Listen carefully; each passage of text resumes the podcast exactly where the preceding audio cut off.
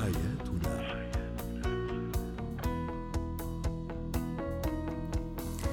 أهلا بكم. تستمعون لبرنامج حياتنا من إذاعة سكاي نيوز عربية في ابو ظبي برنامجكم الذي يعنى بشؤون الأسرة وباقي الشؤون الحياتية.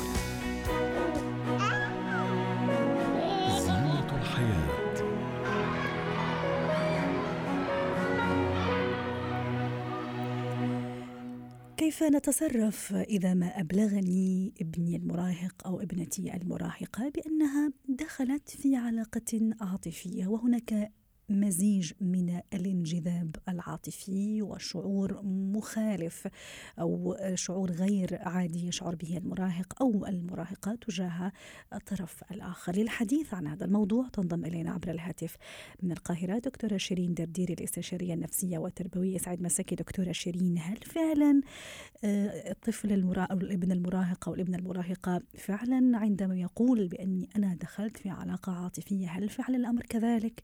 ما الذي يدور بالضبط؟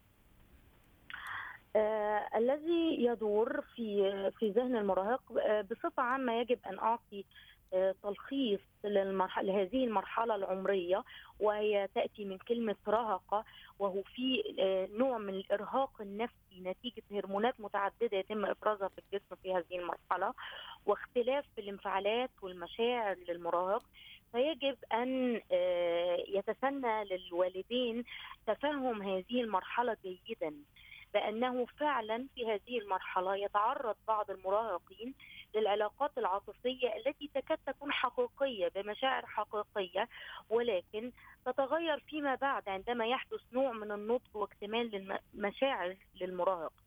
ومن الواجبات وكبسولات النصائح للأب والأم في هذه المرحلة عدم انتقاد الطفل أو المراهق والتقرب منه بحيث آه، السماع إليه بدلا من أن يستمع لأشخاص آخرين يعطونا نصائح زائفة أو آه، يعني يتصرف بطرق غير لائقة.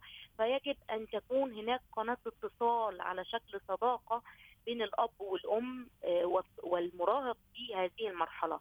لأن هذه المرحلة تكون مرحلة انتقالية فهو في تأرجح بين كونه طفل وكونه رجل. جميل. يعني لا يجب أن أخذ بعين الاعتبار هذا الموضوع يعني لا أهمل لكن بطريقة أيضا تكون منطقية وعقلانية حتى لا نبالغ أيضا في الموضوع لأنه كمان حنا في النهاية في مجتمع له عاداته له تقاليده له أصول معينة وأطر معينة ما لازم يطلع منها. يجب أن أتناول الموضوع إذا ما صارحني المراهق أو ابني أو فتاتي بأن هناك علاقة عاطفية تمر بها يجب أن يكون الموضوع محل اهتمام مني. ويجب أن آه، أستمع إلى ابني. ويجب أن أتعرف أيضا على آه، الشخصية أيوة. التي متعلق بها يعني أحيانا شو لازم أكثر شيء لازم أعرفه أو أهم الأسئلة اللي لازم أطرحها على ابني المراهق أو بنتي المراهقة لما يجوا يحكوا لي هالموضوع؟ آه، يختلف حكمي إذا ما كان آه، لدي ابن أو فتاة. فالفتاة يجب أن أكون أشد حرصا. لها بأني أستمع لها في البداية ولكن يجب أن أذكرها بأن هناك خطوط حمراء في التعامل في هذا الصدد وخصوصا آه، ان مجتمعاتنا الشرقية لها ميراث ثقافي يعني في هذا المجال. يعني يجب نعم. للفتاة أن تحافظ على سمعتها أن تحافظ على على على على جسدها. يجب ألا تتخطى الخطوط الحمراء. هذه نقطة. يجب أن ألقي الضوء أصلا آه، أيضا على جزئية أنه أنت في مرحلة حاليا مرحلة آه، عدم اكتمال للمشاعر بصفة كاملة.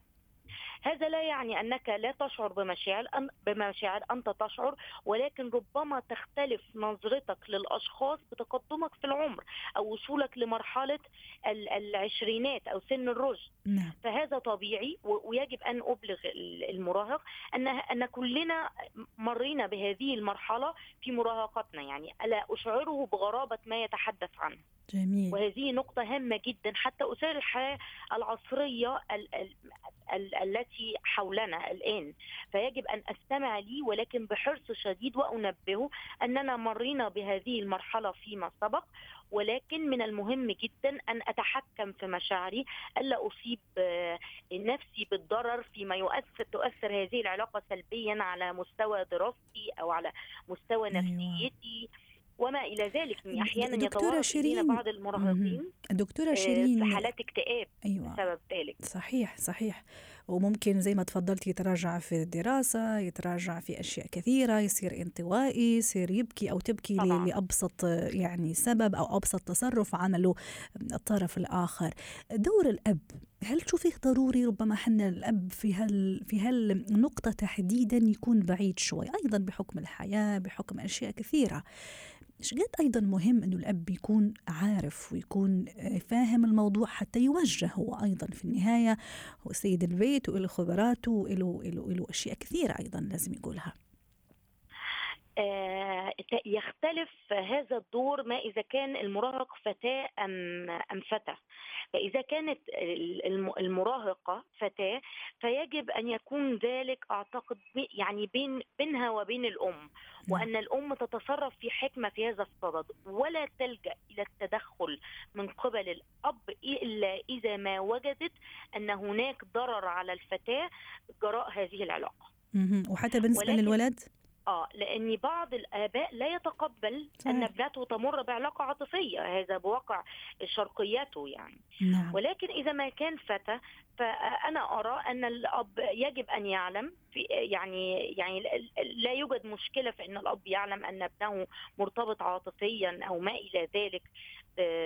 بفتاة ولكن يجب أن يكون له دور في تنبيهه بأن هذه الفتاة آه، أن يكون حفاظه عليها كما يحافظ على أخته وأن هناك تعلق مرضي يجب أن يبتعد عنه. يعني يجب أن نبتعد في العلاقات العاطفية للمراهق عن صورة التعلق المرضي. جميل. وهو التعلق المرضي التعلق المرضي بنتائج سلبية تعود على المستوى الأكاديمي للمراهق وما إلى ذلك فيجب أن يتدخل الآباء والأمهات في هذه المرحلة للتوقف عن هذه نعم. العلاقة إذا ما كانت تؤثر سلبيا على المراهق. شكرا لك دكتورة شيرين درديري الاستشارية النفسية والتربوية ضيفتنا من القاهرة ويسعد مساكي. مهارات حياة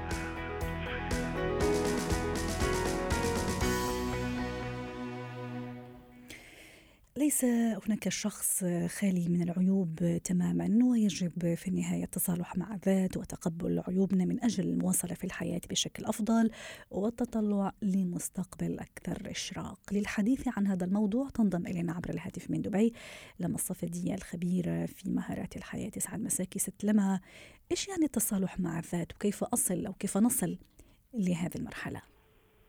التصالح مع الذات هو أن أتقبل نفسي كإنسان أولا أنا لست ملاك فبالتالي لدي كل سلبيات العالم ولدي إيجابياتي.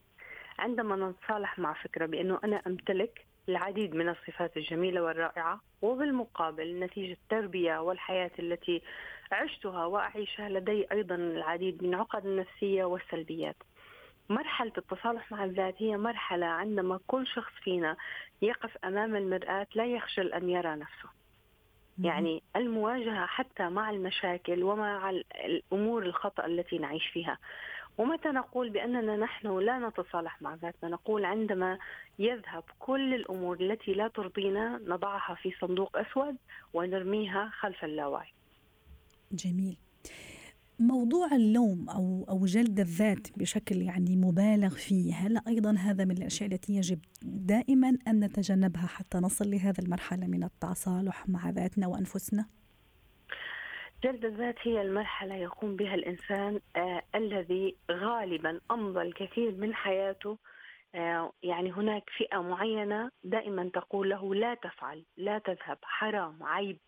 فهو دائما كان أمام هذا ال- القوة الكبيرة إن كانت من أم من أب من زوجة أصدقاء كان تحت هذا الضغط.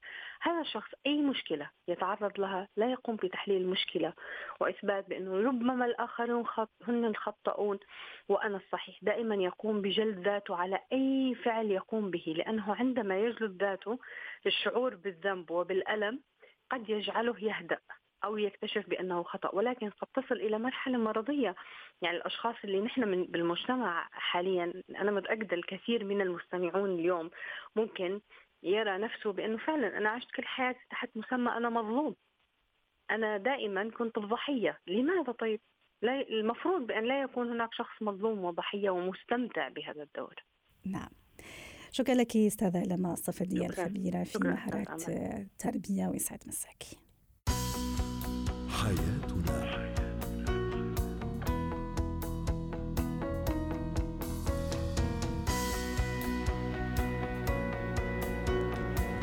شكرا لكم مستمعينا الكرام على طيبين وكرم المتابعة دمتم بخير